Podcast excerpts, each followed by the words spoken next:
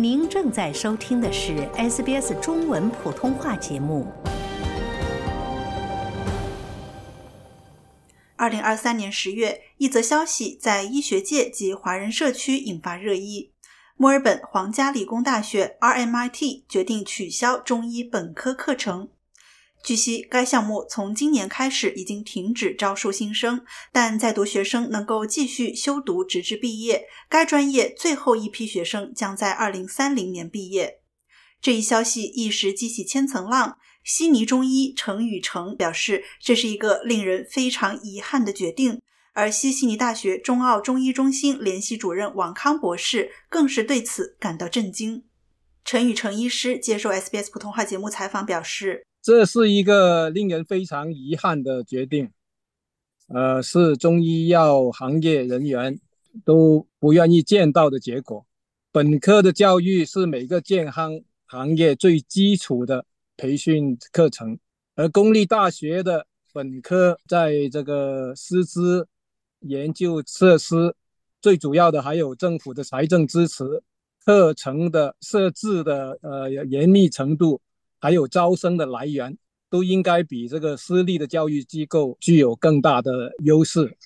RMIT 一位发言人对 SBS 普通话说：“自2019年以来，该项目学生入学率下降了近百分之四十，导致班级规模非常小。而根据2023年澳大利亚政府发布的技能优先列表，目前任何州或领地都没有发现中医人员短缺的情况。”发言人称。该校定期审查课程和项目，在综合考虑目前澳大利亚的技能需求、行业和社区需求以及学生需求等因素后，最终决定终止该项目。MIT 呢是中国本土外全世界首次在公立大学设立中医系的大学，由此而促进了这个维州二千年的中医立法，还有这个全国二零幺二年的呃澳洲全国中医立法。这个光荣历史呢，非常令人难忘。所以现在的关停呢，会使这个中医行业这后继人才的培训不足。中医这课程的独特性，因为它跟现代科学还是有一点区别的，是需要一个更长期的，又从更年轻一代比较一个有基础的培训开始，才会有比较好的结果。所以这个呢是有点令人忧虑的。从您个人的角度啊，您认为为什么 RMIT 会做出这样的决定呢？呃，据说是那个招生人数呃下降明显。我想呢，这个就业前景的不理想是打击这个学生入行意愿的一个主要原因。就像这个 UTS 这个悉尼科技大学前几年的关停中医系的这个情况是基本差不多的吧。因为维持一个系需要一定的资金和和人员的架构，致使呢就是财政的平衡会成为一个考虑的因素。但是呢，大学不应该是一个单纯生意的考虑，也要考虑到公众的利益和行业的维持和发展。在这个关停决定前，其实大学没有怎么咨询行业协会的意见。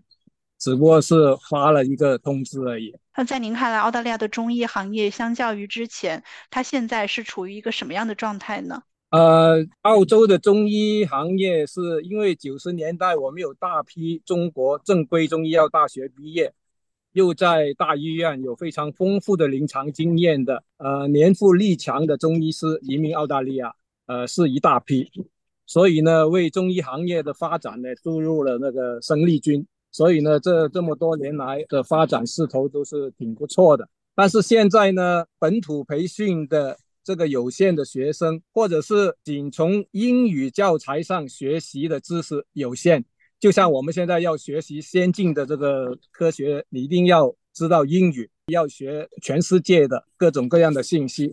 你要学中医，一定要一定要在这中国是有最大的资源，不论从教育和研究的角度来看，这个都是缺乏的。还有呢，就是在临床培训，呃，在这里的临床培训，因为很多都是在个体行医的诊所里面呢，最多是一些药材店啊这样的培训，而且他们去有也有些是去中国做一些培训的，但是时间都非常短，所以呢，这个临床培训跟中国相比还是有很大差距的。就他们在应付特别是一个急症难症，在年轻一代，他们是有点培训不足，这是在这行很多的老前辈一个顾虑的地方。还有呢，随着这批九十年代过来的，还有更早一点的这一批老移民，他慢慢进入了退休和半退休的状况，确实这个行业就会有些青黄不接这样的顾虑。王康博士同样提到了中医药行业人才培训难的问题。中医药的学生们相对来说呢，他的这个成才周期稍微长一点，他的培养的这个培养难度也大一些。我说的这个周期长，是因为他可能需要一一段时间呢去积累经验，然后呢有一些中医呃这种理念的这种理解呢，嗯，相当于在这边跨文化的环境下呢，也需要去去去探索是不是有一些融合的地方，或者一些呃互补的地方，可能这个过程呢。嗯，是是需要他们额外的去需要去去增加一部分时间去用于用于干这个事情。那在国内它不不存在这个问题，因为大家都是同一个文化背景之下的嘛。那我说上火了，你就知道啊，这个我得多喝点水啊，或者是少吃点这种辛辣油腻的东西。这个东西就是呃文化层面的东西，就不需要太过多的去进行解释。那如果在这边呢，你可能就要稍微。费一点心思去看看怎么跟嗯这样子的这这个老百姓呢去去说明这个问题啊。除了人才培训难之外，陈医师认为，当前澳大利亚的中医药行业还面临着许多其他的挑战，包括澳大利亚药品监管部门对中药的进口管制，其他健康行业对中医的负面评价。医疗保险等政府补助对中医行业的支持不足，以及移民中医师的从业限制等。我们中医在澳洲定位是一个替代疗法。中医立法原来在维维州的中医立法之后，如果大家就是做中医师和针灸师的这个行业的这个呃行为，那是违法的。这一部分是保护行业的利益。但是在全国立法的时候，因为可能当时要取得各个健康行业的同意，所以有一一定适当的让步之后，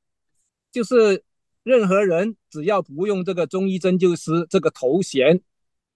来做这些行为，他们呢就可以啊没有这个法律上的要求。那还有呢就是。有一些呃培训时数很少的，例如像好像干针的这一些，啊，他的当然他的这个培训时数跟针灸师的培训是几十倍的差距，但是呢，他们也有很多人因为因为觉得呃有效就在那里用，这个是对公众的利益造成一个很很大的威胁，就是在它的安全性、它的保护性上。就会啊，我们行业也是有些忧虑的。第二方面呢，就是中药的限用，因为现在 TGA 就是药物管理局，它对中药的进口它是有管理的，呃，什么药可以用，他们他们有一定的规定。但是他们很多时候他们会看到一些研究的结果比较负面的，他们就把它停掉。比如说我们经常用的，我们《伤寒论》上经常用的这个。麻黄啊、附子啊、细辛啊这一类常用药，比如说我自己最早跟的那个师傅，他就是这个伤寒派的啊，他们用这个药用的非常普遍。那停掉这些药之后，你就等于把这部这部分的功能就废掉了。还有呢，就是一些负面的影响，这次我非常反感的，就是按道理一个健康行业。比如说你是牙医，或者是你是 c a r o p e t a 你是一个呃整脊师，你们之间各有各的培训，各有各的知识，各有各的维护大众健康的他们的行为的和标准。但是有一些行业，呃，他们就会随意的去评价中医的治疗，所以呢，这个东西可能会我们行业之内需要这个有一些支持的组织结构。呃，从法律的层面或者去做一些支持，还有呢，就是为什么会打击这个学生的入学的意愿、就业的前景不理想？因为呢，保险给付的这么多个健康行业，我想的中医行业给的是偏少的。这么多年来，中医行业是唯一不纳入这个 Medicare 的。我想，中医行业跟政府之间沟通的次数也很多了。呃，政府呢，应该呢很认真的考虑这个问题。还有一个就是，我们现在，比如说现在有很多经验丰富的中医，比如说他一定年限已经做了很久的，他们各种原因移民来澳大利亚，但是他们是不能执业的，因为呃，澳洲现在只承认本土的学历。第一个。第二个，你要注册要健康行业雅思八分的这个英语水平，几乎是没有中医可以过关的。